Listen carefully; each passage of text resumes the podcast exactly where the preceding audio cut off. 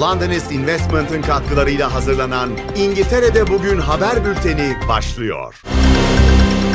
British Yaşam TV'den herkese iyi sabahlar. Bugün 12 Ekim Perşembe. Ben Ela Sezen. İngiltere'de bugün öne çıkan haberlerle karşınızdayız. İngiltere hükümeti sosyal medyada Hamas'la ilgili içerikleri mercek altına aldı. Bilim, Teknoloji ve İnovasyon Bakanı Michel Donald'ın sosyal medya platformlarındaki şiddet içeriklerinin hızla kaldırılmasını sağlamak amacıyla sosyal medya şirketleriyle bir araya gelmeyi planladığını açıkladı. Donald'ın açıklamayı sosyal medya hesabından yaptı. İsrail ve Yahudi toplumlarıyla dayanışma içinde olmak için harekete geçtiklerini bildirdi. İngiltere İçişleri Bakanı Suel Braverman da meşru görülen Filistin bayrağı sallama ve Filistin'e özgürlük sloganları gibi eylemler terör eylemlerini övmek amacıyla yapılmıyorsa yasaldır dedi. BBC'nin Hamas için terörist ifadesini kullanmaktan kaçınması ülke genelinde tartışma konusu oldu. Hükümet yetkilileri ve özellikle Ulaştırma Bakanı Grant Shapps BBC'yi bu tavrından ötürü eleştirdi. Hamas'ın İngiltere tarafından resmi olarak bir terörist örgüt olarak kabul edildiğini ve desteklenmesinin yasa dışı olduğunu vurguladı. BBC'nin bu terimi kullanmamakla birlikte silahlı kişiler veya militanlar ifadelerini tercih etmesi Dışişleri Bakanı James Cleverly ve Kültür Bakanı Lucy Fraser gibi isimlerin de gündeminde. Her iki isim de BBC'yi yayın politikasını gözden geçirmeye çağırdı. Ancak BBC dili nasıl kullandıklarına her zaman önem verdiklerini ifade etti. Ayrıca tecrübeli dış haberler muhabiri John Simpson hükümetin eleştirilerine sosyal medya üzerinden yanıt verdi. BBC'nin görevinin gerçekleri izleyiciye dürüstçe sunmak ve onların kendi fikirlerini oluşturmasına izin vermek olduğunu söyledi. Bu durum diğer İngiliz yayın organlarını da etkiledi ve farklı uygulamaları da beraberinde getirdi. Sky News ve ITV News genellikle militanlar ya da savaşçılar ifadesini kullanırken ITV yer yer terörist ifadesini kullanmaktan kaçınmadı.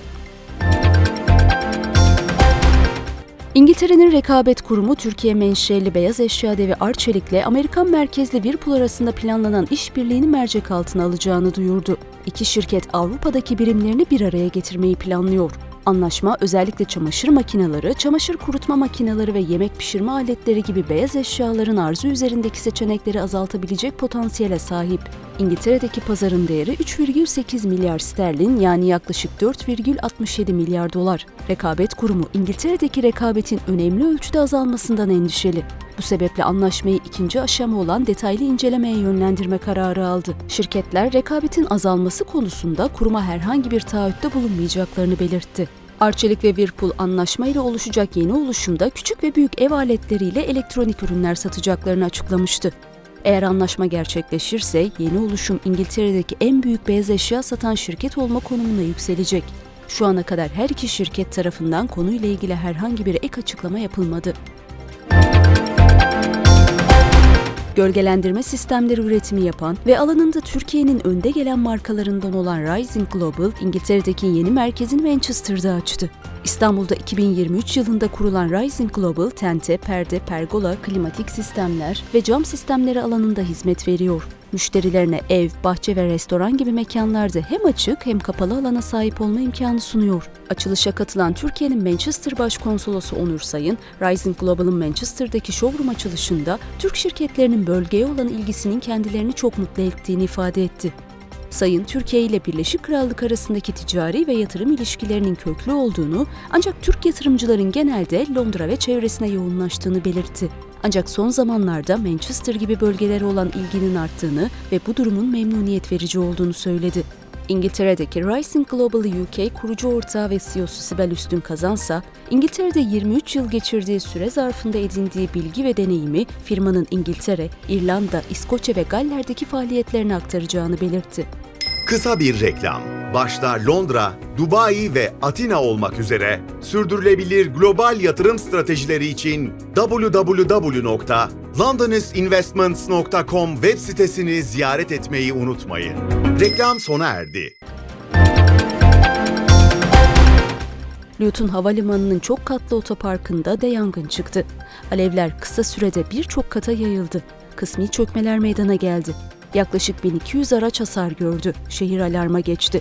Yangına 15 itfaiye aracı, 3 hava aracı ve 100'e aşkın itfaiyeci müdahale etti. Luton Havalimanı yetkilileri yolcu ve personel güvenliğini öncelikli tutarak çarşamba günü saat 15'e kadar tüm uçuşları durdurma kararı aldı. Yangın esnasında can kaybı yaşanmazken dumandan etkilenen 5 kişi hastaneye kaldırıldı. Yangının çıkış nedeni araştırılıyor.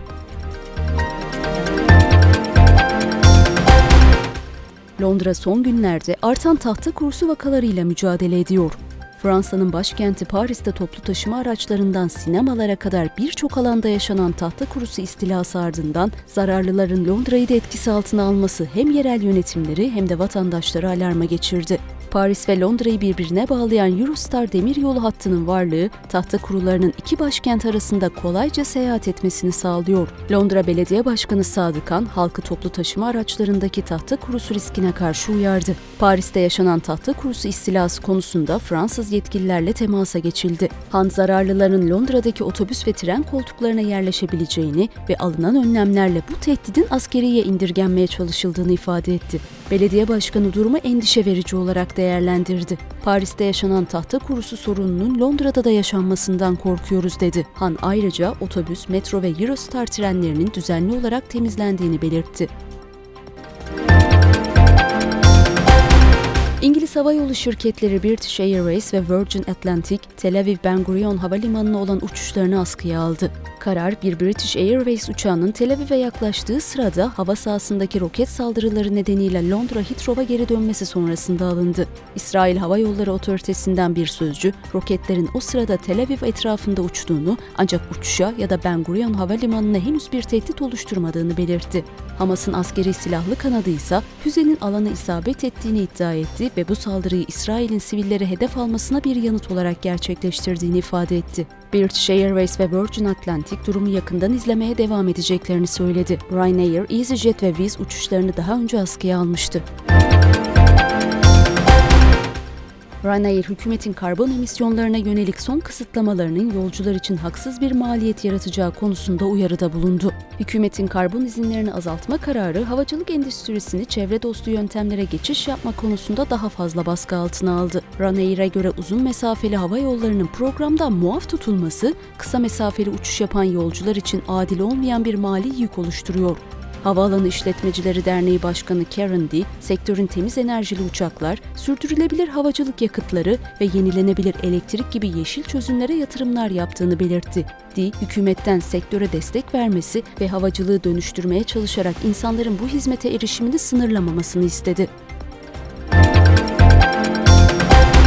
İngiltere'de bugün öne çıkan haberleri aktardık. Yarın yine aynı saatte karşınızda olacağız. Bizi takip etmeyi unutmayın.